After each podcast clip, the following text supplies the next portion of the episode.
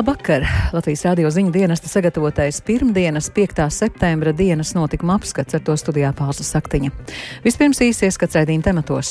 Jūrā atrasta savarējušās lidmašīnas atlūzas, rīt turpinās meklēt ar zemūdens dronu. Nu, Dzīvības tur diezgan liels. Tas saucas kā oficiāli glābšanas meklēšanas operācija, bet tagad notiek tieši meklēšanas operācija. Tur nu, izskatās, ka nav ko glābt. Dubultotie apkuras tarifi līdz ar valsts atbalstu rīznieku rēķinus varētu audzēt par trešdaļu. Pagājušajā apkurss sezonā iedzīvotāji par dzīvokli maksāja 60 līdz 70 eiro. Tikai par apkursu nākamajā apkurss sezonā tie varētu būt 90 līdz 100 eiro. Nu. Par jauno Lielbritānijas premjeri kļūs Līza Trasa.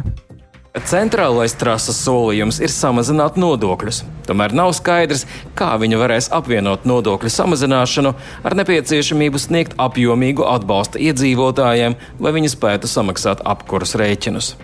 Un Ukrainas elektrotīkla atslēgts pēdējais strādājošais Zaporīžas atomelektrostacijas reaktors.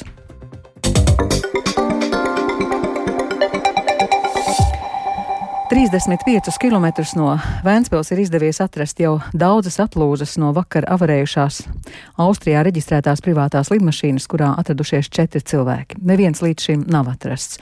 Bija zināma konkrēta avārijas vieta un laiks, tāpēc bija iespējams reaģēt operatīvi. Šobrīd jau tā vairs nav glābšanas, bet meklēšanas operācija, kas rīt turpināsies ar zemūdens dronu. Negadījuma izmeklēšanā iesaistīsies arī Latvija. No Vēncpils plašāk Ingas Ozols ierakstā.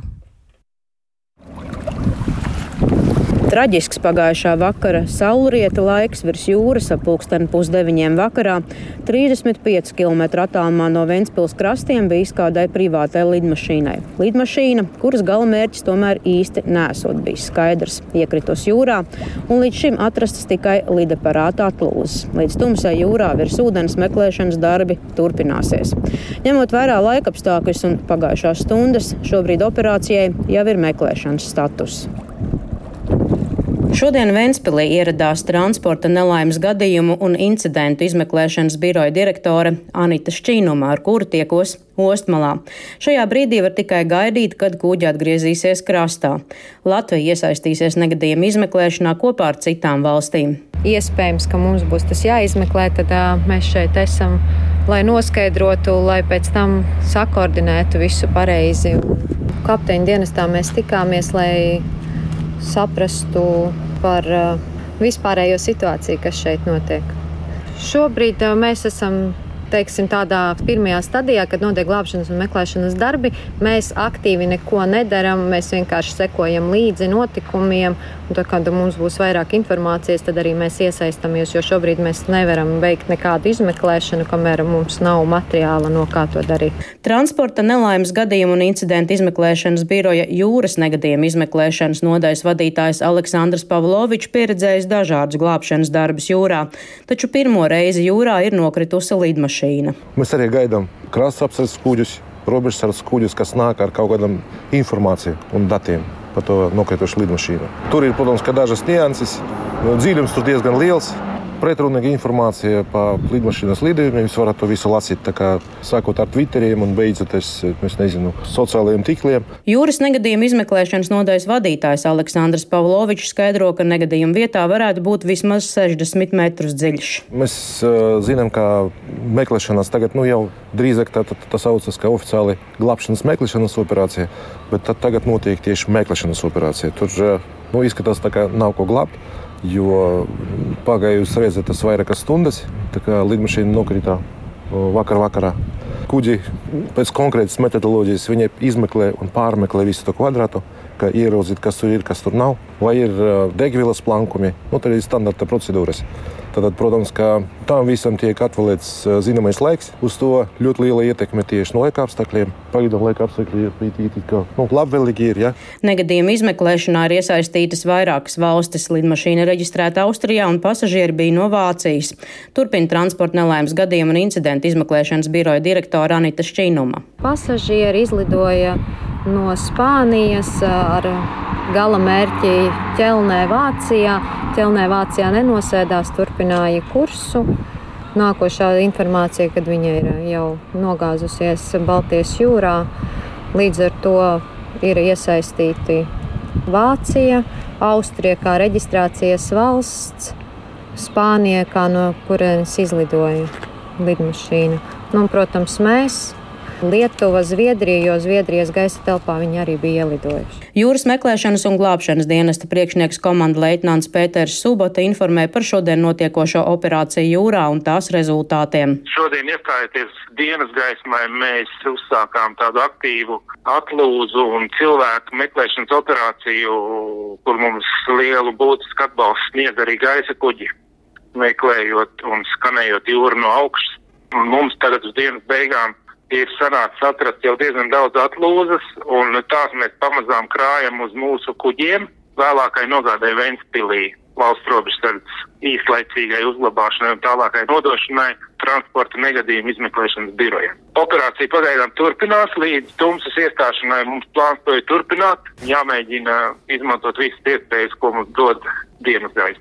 Avārijas vietā jūrā rīt sāksies zemūdens meklēšana, kur tiks izmantots zemūdens drons. No meklēšanas rezultātiem tad arī tiks pieņemts lēmums par turpmāko rīcību - iesaistīt ūdenslīdējus vai izcelt atrastos priekšmetus. Ingozola Latvijas radio Kurzemē. Novembra rēķinā rīznieki ieraudzīs jauno tarifu par siltumu, un maksa par apkuri būs aptuveni par 35 līdz 40 procentiem augstāka nekā septembra rēķinā. Rīgas siltums sabiedrisko pakalpojumu regulēšanas komisijā iesniedzis no jauna aprēķināto tarifu un prognozē, ka tas stāsies spēkā no 2. oktobra. Plašāk Linda Zalāns ierakstā. Rīgas iedzīvotāji jauno rēķinu ar paaugstināto siltuma tarifu saņems novembrī, un maksa par siltumu tajā būs par aptuveni 35 līdz 40 procentiem augstāka nekā to redzam septembra rēķinā, teica Rīgas siltums valdes loceklis Raivis Elliņš. Ņemot vērā to, ka mēs 50% no siltumenerģijas saražojam ar šķeldu, kas ir daudz lētāks kurināmais, līdz ar to mēs spējām aprēķināt šo tarifu pat zemāku nekā mēs iegādāsimies no Latvijas energo, un līdz ar to mums galā tad arī sanāca šie 170 eiro un 59 eiro centi, ko rīdinieki savos rēķinos neredzēs, jo būs valsts kompensācija. Tad no rīdiniekiem Rēķinos tie būs 119 eiro un 30 eiro centi. Salīdzinājumam šomēnes siltumenerģijas tarifs rīdziniekiem ir 85 eiro un 45 eiro centi par megavatu stundu. Tādu piemēru esam piemetuši, ka teiks, pagājušajā apkurs sezonā iedzīvotāji par dzīvokli maksāja 60 līdz 70 eiro tikai par apkuru. Tas ir neskaitot pārējos pakalpojumus, kas ir redzami rēķinā. Tad eh, nākamajā apkurs sezonā tie varētu būt 90 50 līdz 100 eiro. Nu, tāds varētu būt tas kāpums iedzīvotājiem. Tas nozīmē, ka, lai gan energoresursu cenu pieaugums ir patiesi iespaidīgs līdz ar valsts kompensāciju, iedzīvotāji šo kāpumu uz savas ādas jeb apkurs reķinos neizjutīs pilnā apmērā. Tiesa maksa par siltumu, proti apkure un siltā ūdens sagatavošana gada griezumā veido lauvas tiesu jeb trešdaļu no komunālā pakalpojuma rēķina. Rīgas namu pārvaldnieka pārstāvis Krists Leiškalns teica, ka ir neiespējami iespējami prognozēt, par cik procentiem pieaugs kopējais komunālo pakalpojumu rēķins, jo ietekmējošie faktori ir vairāki. Attiecībā uz siltumu tie ir gan siltuma patēriņa paradumi, gan laika apstākļi. Lielākā problēma, protams, ir zemās gaisa temperatūras. Tas, ko no pārvaldības puses mēs vērtēsim katrā mājā, kur ir iespējams samazināt uh, šo te kopējo temperatūru apkurss sezonas laikā, bet tas nebūs viegls uzdevums, jo šīs te vecās uh, padomu laika apkurss sistēmas Viņas nav veidotas ļoti optimāli. Šajās apkurses sistēmās trūks stabilizēšanas elementu, kas ļautu nodrošināt vienmērīgāku gaisa temperatūru mājā. Līdz ar to nu, tas būs diezgan liels izaicinājums, ko mēs darīsim. Kāda būs rezultāti, mēs, protams, redzēsim jau apkurses sezonas laikā. Bet kopumā visiem jācer uz siltu rudeni un siltu ziemu, jo tieši laika apstākļi ir lielākais palīgs rēķinu samazināšanā. Tāpat katram pašam jāizvērtē siltuma patērēšanas paradumi. Krists Leiškalns atgādina, ka nedz dzīvokļos, nedz mājas koplietošanas telpā nevajag atstāt logus ilgstoši vēdināšanas režīmā. Telpa jāizvēdina, atverot visus logus uz noteiktu laiku un pēc tam logi jāaizver, lai siltuma zudums būtu pēc iespējas mazāks. Linda Zalāne, Latvijas radio. Streika izlīguma sarunu otrajā kārtā starp Izglītības un zinātnes ministriju un nozares arotbiedrību šodien pedagogi saņēma tikai solījumu par darba samaksas saglabāšanu tiem pedagogiem, kuri streikos, ja 19. septembrī plānotajam streikam būs konkrēts beigu termiņš. Par to no pedagogu un ministrijas vadības tikšanās stāsta kolēģi Ieva Puķa. Protams, beztermiņa streiks nav neviena interesēs. Pēc abu pušu tikšanās teica pie žurnālistiem iznākusī ministre Anita Mūžniece, konservatīvie, netieši norādot, ka sarunas jau ir ievirzījušās streika gultnē. Strādājošiem ir tiesības paust savu neapmierinātību, viņa teica.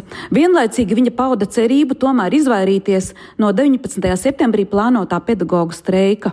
Lai atvieglotu pedagoģu noslogoto ikdienu, tika izteikts piedāvājums jau līdz oktobra mēnesim nodrošināt papildus digitālos mācību līdzekļus. Konkrētas summas un apjomus ministri nebija gatava paust.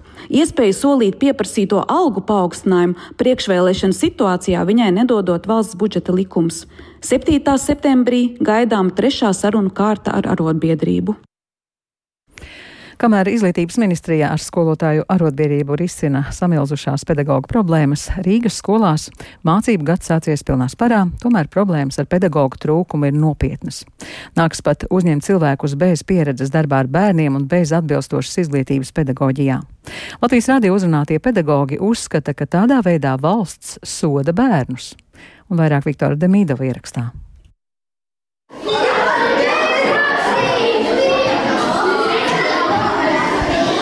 Tā, tātad tālāk mēs nākamajā reizē tiekamies un līdzi ko mēs ņemam. Rīgā ir simts skolu, kurā bērnus un jauniešus māca 7000 skolotāju. Ar pedagoģu trūkumu ir saskārušās virkne skolu, kurās audzinātāji spiesti smagi strādāt. Piemēram, Rīgas valde zālīšu sākuma skolā pedagoģu trūkuma dēļ viens skolotājs spiests audzināt divas klases, kurās kopā ir 60 bērnu. Ar to ir saskārusies latviešu valodas un literatūras pedagoģu un audzināšanas jomas vadītāja Iveta Stalberga, kura par skolotāju strādāja jau 19. gadu. Tik sarežģīta situācija viņas karjerā esot pirmo reizi. Valsts tā kā soda arī tos bērnus, ka nav tie pedagogi un ka viņi nedabū to visu, ko viņiem man šķiet, ka vajadzētu no tā audzinātā. Jo nu, šobrīd sanāk, ka es to caurumu aizlāpu, es daru visu labāko, ko es varu izdarīt uz šo mirkli bet man ir resursi un enerģijas un spēka ir nu, tik, cik ir vienā cilvēkā. Sākot mācību skolā, trūkst trīs pedagoģu, kuru vidū ir sociālo zinātņu un vēstures skolotājs. Tā norāda iestādes direktore Elita Rītere, atzīstot, ka darbā spiesti pieņemt tos, kuriem nav pieredzes ar bērniem un kuriem nav arī atbilstoša izglītības dokumenta. Viņiem šķiet, ka viņi ir gatavi to darīt Nu, dzīve parāda, ka viņiem iet dažādi līdz brīdim, kad viņu entuziasms noplūk. Pierīgas skolās skolotāju algas ir līdz 15% lielākas nekā galvaspilsētā, tāpēc Rīgā problēma ar pedagoģu trūkumu ir izteikta. Tā uzskata Rītere piebilstot, ka tādā veidā Pierīgas skolas kļūst par galvaspilsētas skolu filiālēm. Nu, pedagoģu trūkums, manuprāt, ir katastrofās likumsakarīgs un iepriekšējo gadu darbības rezultāts. Es Es personīgi šeit nesaskatu nekādu pozitīvu virzību. Lai gan mācību gads rīt pilnā sparā, Rīgas doma nezina, kāds ir pedagoģu trūkums, taču vienlaikus tam izglītības pārvaldes priekšnieks Ivars Balamovskis atzīmē, ka vakanto vietu skaits nedēļas laikā ir mazinājies, bet tik un tā problēma ir nopietna. Tur, protams, iestāde, katra pašvaldība ir ieinteresēta nu, nokomplektēt pēc iespējas labāku pedagoģisko sastāvu. Tas, ko mēs darām, mēs šogad ar septembri palielināsim vēl piemaksu fondu, kas ir bijis gan skolu direktoriem iepriekš, gan arī nodrošināt papildus finansējumu pirmsskolās. Tas otrs mehānisms mēs turpinām sniegt atbalstu no pašvaldības, varbūt arī atsevišķi skolām, kur šis finansējums ir mazāks, nu, lai teiksim, arī tādas skolas, kas ir skaitliski mazāk vai atrodas attālākās Rīgas apkaimēs, spētu nu, vismaz noturēt eh, tos skolotājus, kuri šobrīd strādā. Īsi pirms mācību gada sākuma dati liecinājuši, ka lielāks pedagoģu trūkums ir pamatizglītībā, jo īpaši trūka latviešu valodas, matemātikas, datorikas un svešvalodu skolotāju. Viktors Demidovs, Latvijas Latvijas radio. Rīgā skolotāja trūkums ir sena ielaista problēma, kur atrisināt tikai ar politiķu spēku nav iespējams. Tā intervijā Altīs rādio atzina Rīgas domas izglītības, kultūras un sporta komitejas vadītāja Iveta Ratinīka no frakcijas Latvijas attīstībai, skaidrojot, ka turīgās pierīgas pašvaldības skolotājus pārpērk. Ar Ivetu Ratinīku runāja Viktors Demīdovs. Tas, kas mums īpaši ir jāakcentē, ir jaunu skolotāju sagatavošana, jaunu skolotāju ataudze. Manuprāt, tuvākajos gados būs visbīstamākā problēma. Otra kategorija ir mazākuma tautības skolu skolotāji, jo pārējie uz latviešu valodu varētu būt īsts izaicinājums. Rīgā pedagoģa trūkums ir īpaši liels. Kas, jūsuprāt, pie tā ir vainīgs? Tā ir vēsturiski izveidojusies šāda situācija, jo būtībā Rīga ir liels donors, bet, diemžēl, nesaņem pietiekami līdzekļus atpakaļ. Ārkārtīgi, varbūt arī netaisnīgā sistēma, kur citas valsts pilsētas saņēma 6% lielāku fondu un pierīgas pašvaldības pat 11 lielāku līdzekļu fondu. Mēs saprotam, ka, nu, uzreiz droši vien izlīdzināt šo situāciju nav iespējams, bet pozitīvi vērtējam to, ka zināmā mērā, nu varbūt vismaz nedaudz izdevās panākt kompromisu, ka mēs virzamies tajā virzienā, kurā tiks izlīdzināta šī nevienādība starp Rīgu un citām valsts pilsētām. Vai jūs apsverat tādu domu samazināt skolu skaitu? Es ļoti kritiski vērtēju iespēju, nu, mehāniski vienkārši samazināt skolu skaitu, jo, ja mēs saglabājam izglītības vai citu pašvaldības funkciju šajās ēkās, tas ietaupījums nav tik būtisks, kā par to būtu vērts runāt. Nevērsim ciet skolas tikai ekonomisku apsvērumu pēc. Par jauno Lielbritānijas premjeri kļūs Līza Trasa. Viņas kandidatūru atbalstīja 57% pašlaik valdošās konservatīvās partijas biedru. Tas ir mazāk nekā iepriekš tika prognozēts, tomēr ir pietiekami, lai līdz ar šo uzvaru otrdien Lielbritānijas karaliene aicinātu Trasu veidot jauno valdību. Viņa kļūs par trešo sievieti Britu valdības vadītāja krēslā. Plašāk stāsta mūsu korespondents Briselē Arķems Konahaus. Par nākamo Downingstrītas saimniece kļūs līdzinējā ārlietu ministre Elizabete jeb Līza Trasa. Uzrunājot konservatīvās partijas biedrus īsi pēc balsojuma rezultātu paziņošanas, Trasa kā galveno problēmu pieminēja dzīves dārdzību. During this leadership campaign, I campaigned as a conservative and I will govern as a conservative. Šīs kampaņas laikā es startēju kā konservatīvā, un es valdīšu kā konservatīvā. Bet, draugi, mums ir jāparāda, ka mēs tuvāko divu gadu laikā spējam panākt rezultātus. Es piedāvāšu ambiciozu plānu, lai samazinātu nodokļus un panāktu mūsu ekonomikas izaugsmi. Es panākšu rezultātus enerģētikas krīzes jomā un tikšu galā ar iedzīvotāju enerģētikas rēķiniem, kā arī ar ilgtermiņa jautājumiem par enerģijas piegādēm. Tomēr centrālais trases solījums ir samazināt nodokļus. Viņa uzskata, ka tie šobrīd ir pārāk augsti un traucē ekonomikas izaugsmai. Tomēr nav skaidrs, kā viņa varēs apvienot nodokļu samazināšanu ar nepieciešamību sniegt apjomīgu atbalstu iedzīvotājiem, lai viņi spētu samaksāt apkurus rēķinus. Tāpat trase ir pieļāvusi arī iespēju mazināt dažādas darbinieku tiesības, piemēram, uz apmaksātu atvaļinājumu.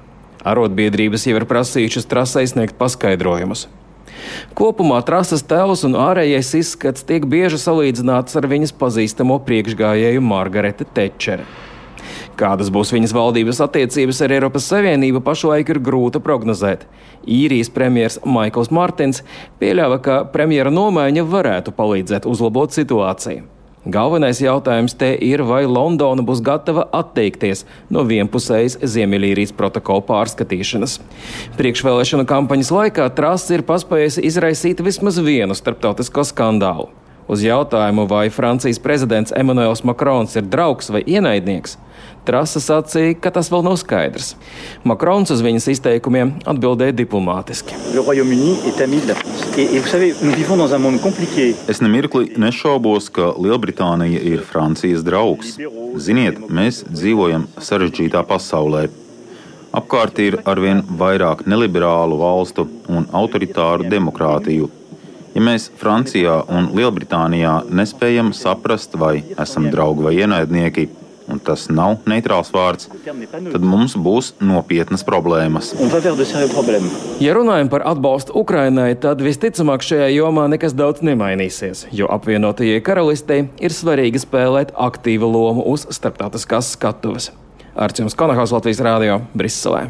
Krievijas karaspēka sagrābtās Zaporīžas atomelektrostacijas pēdējais strādājošais reaktors ir atslēgts no Ukrainas elektrotīkla. Tikmēr Ukrainas dienvidos Hersons apgabalā turpinās smagas cīņas, jo valsts aizstāvi cenšas atbrīvot okupētās teritorijas.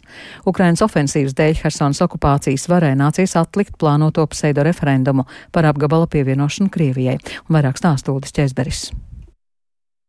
No Ukrainas elektrotīkla šodien tika atslēgts Zaporīžas atomelektrostācijas sestais reaktors, jo apšaudes rezultātā aizdegās pēdējā augstsprieguma līnija, kas spēkstaciju savienoja ar Ukrainas elektroapgādes sistēmu, paziņojis Ukrainas enerģētikas uzņēmums Enerhoatom. Ukraina atomelektrostacijas apšaudīšanā vaino Krievijas karaspēku. Zaporīžas atomelektrostacijā darbu turpina divi starptautiskās atomenerģijas aģentūras eksperti, bet vēl četri aģentūras darbinieki spēkstaciju šodien pameta. Turpinās Ukrainas karaspēka ofensīva valsts dienvidos esošajā Hersonas apgabalā, ko daļēji ir okupējusi Krievija. Valsts aizstāvji ir paziņojuši par vēl vairāku apdzīvoto vietu atbrīvošanu. Savukārt Hersonas apgabala okupācijas administrācijas vadītāja vietnieks Kirills Stremoūsovs paziņojis, ka pagaidām tiek atlikts plānotais pseido referendums par apgabala pievienošanos Krievijai, taču viņš piebilda, ka balsojums noteikti tiks organizēts. Divi zviedru dokumentālisti, kuri filmēja 1994. gadā nogrimušā prāmja Estoniju vraku, atzīti par vainīgiem avārijas vietas neaizskaramības pārkāpšanā. Dokumentālisti 2019. gadā filmēšanas laikā Estonija korpusā atklāja milzīgu caurumu, pa kuru iepriekš nebija zināms, turpina Uldis Česberis. Gēteborgas apgabala tiesa šodien paziņoja, ka režisors Henriks Evertsons un operators Linus Sandešons ir pārkāpuši Zviedrijas likumu, kas sargā Estonija traģēdijas upuru mieru un aizliedz jebkādas darbības kuģa vraka tuvumā. Tiesas lēmumā teikts, ka mirušo piemiņas sargāšana ir svarīgāka par vārda brīvības un informācijas aizsargāšanu. Tomēr tiesa atzina Evertsona un Andešona motīvu par vainu mīkstinošu apstākli un piesprieda viņiem naudas sodu, kas ir proporcionāls viņu ienākumiem. Tiesa neatklāja naudas soda apmēru. Spriedumu varēs pārsūdzēt apelācijas tiesā. Iepazīt Rīgu no neierasta skatu punkta piedāvā tikko klajā nākusī vēstures zinātņu doktora profesora Harija Tūmana grāmata Antīkie tēli Rīgas ielās. Apjomīgais izdevums ir autora septiņu gadu darbs, kurā viņš aplūko ļoti maz pētītu kultūras mantojumu antīkos tēlus uz Rīgas namu fasādēm, kur ir ļoti daudz un kas sevi ietver interesantus veistījumus. Grāmatā, piemēram, var uzzināt, kāpēc Rīgā tik populārs bija grieķu dieva Hermija tēls, ko simbolizē plaši izplatītie forti fortūnas un floras tēli, kā arī kuru namu fasādēs redzami visiespaidīgākie atlanti un viskrāšņākās karjatīdes.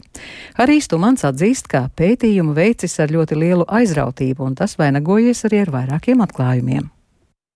Es pats priekš sevis atklāju jaunu Rīgu. Es aizrāvos tiešām, es sapratu īstenībā, cik uh, kolosāls materiāls mums šeit ir pieejams, kāda fantastiska bagātība, kāds kultūra mantojums, par kuru eksistenci mēs pat bieži vien nenojaušam. Svarīgi tiešām šo tēla valodu saprast, lai mēs neliģinātos tiem barbariem, kuri iekaroja Romu, skraida pa ielām, un tad viņi redz sev apkārt skulptūras, mozaikas, gleznas, un tas viņam neko nenozīmē. Tā mākslas valoda viņam ir sveša.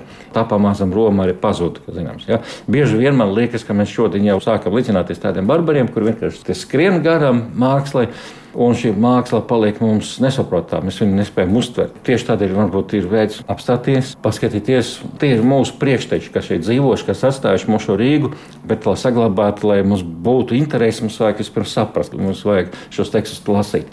Tas arī faktiski ir galvenais mērķis manam darbam.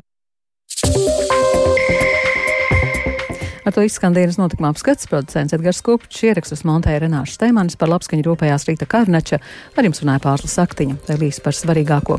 Jūrā atrastas daudzas savarējušās lidmašīnas atlūzas un rīt turpinās meklēšana ar zemūdens dronu.